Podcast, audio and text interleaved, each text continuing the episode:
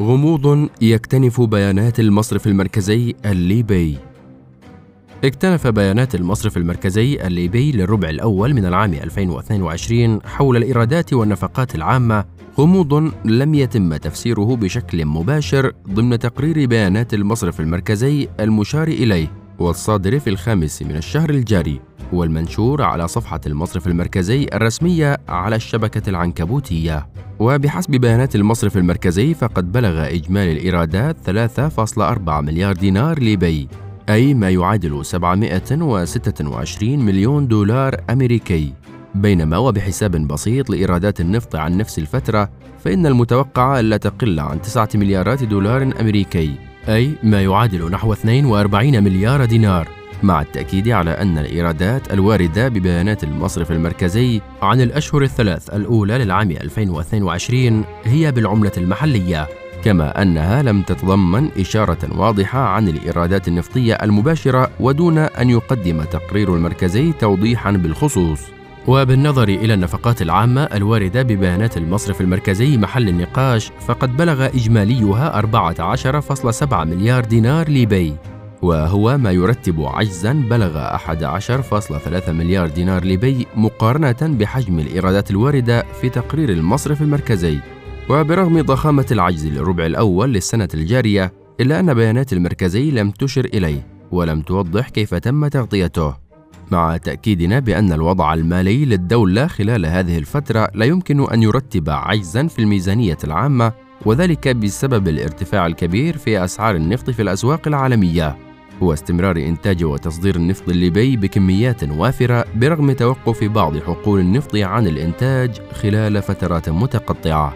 وبالعودة إلى تقديرات عوائد النفط خلال الأشهر الثلاثة الماضية والتي من المفترض أن تقترب من 9 مليارات دولار أي ما يعادل نحو 42 مليار دينار ليبي كما سبقت الإشارة إذ يمكن الوصول إلى التقديرات المشار إليها من خلال احتساب متوسط سعر برميل النفط خلال الأشهر الثلاثة الأولى من العام الجاري عند سعر 90 دولاراً.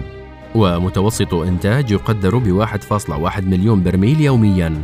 تنتج ليبيا 1.3 مليون برميل وما قدرناه يأخذ في الاعتبار توقف إنتاج وتصدير النفط في بعض الحقول خلال الأشهر الماضية. والواحد فاصلة واحد مليون برميل يوميا مضروبة في تسعين يوما هي الفترة محل البحث. وبالتالي فنحن أمام فائض يزيد عن 27 مليار دينار ليبي. فلماذا بدت الصورة مختلفة تماما بحسب بيانات المصرف المركزي؟ ولماذا لم يقدم المركزي توضيحا بهذا الخصوص؟ فما وقع يحتاج إلى تفسير إعمالا لمبدأ الشفافية الذي يفتخر المصرف المركزي بأنه يلتزم به. يبدو أن المؤسسة الوطنية للنفط امتثلت لطلب من البرلمان بالتحفظ على عوائد النفط وعدم توريدها إلى المصرف المركزي وذلك في ظل النزاع السياسي والخلاف الشديد بين الحكومة الليبية المكلفة من قبل البرلمان وحكومة الوحدة الوطنية التي أفرزها ملتقى الحوار السياسي.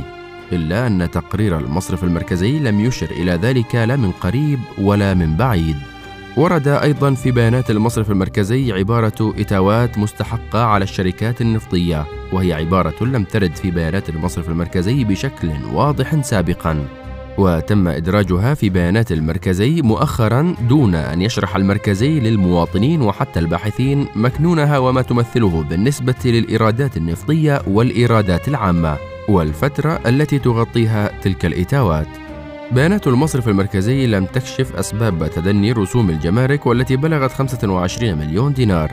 فيما بلغ إجمالي الاعتمادات المنفذة 25 مليار دينار نهاية العام الماضي وبداية العام الجاري مما يعني أن الرسوم عن الاعتمادات لم تتعدى الواحد في الألف. وهذه النسبة متدنية جدا وهي بالقطع ليست من ضمن ما يفرض على البضائع الموردة من الخارج. عودنا المصرف المركزي على درجة من المهنية في إدارته للبيانات والمعلومات التي تصدر عنه. وبدأ لي أن تقريره الأخير غامض ويفرض تساؤلات عدة ضمنا بعضها في هذه السانحة. رجاء أن تلقى توضيحا.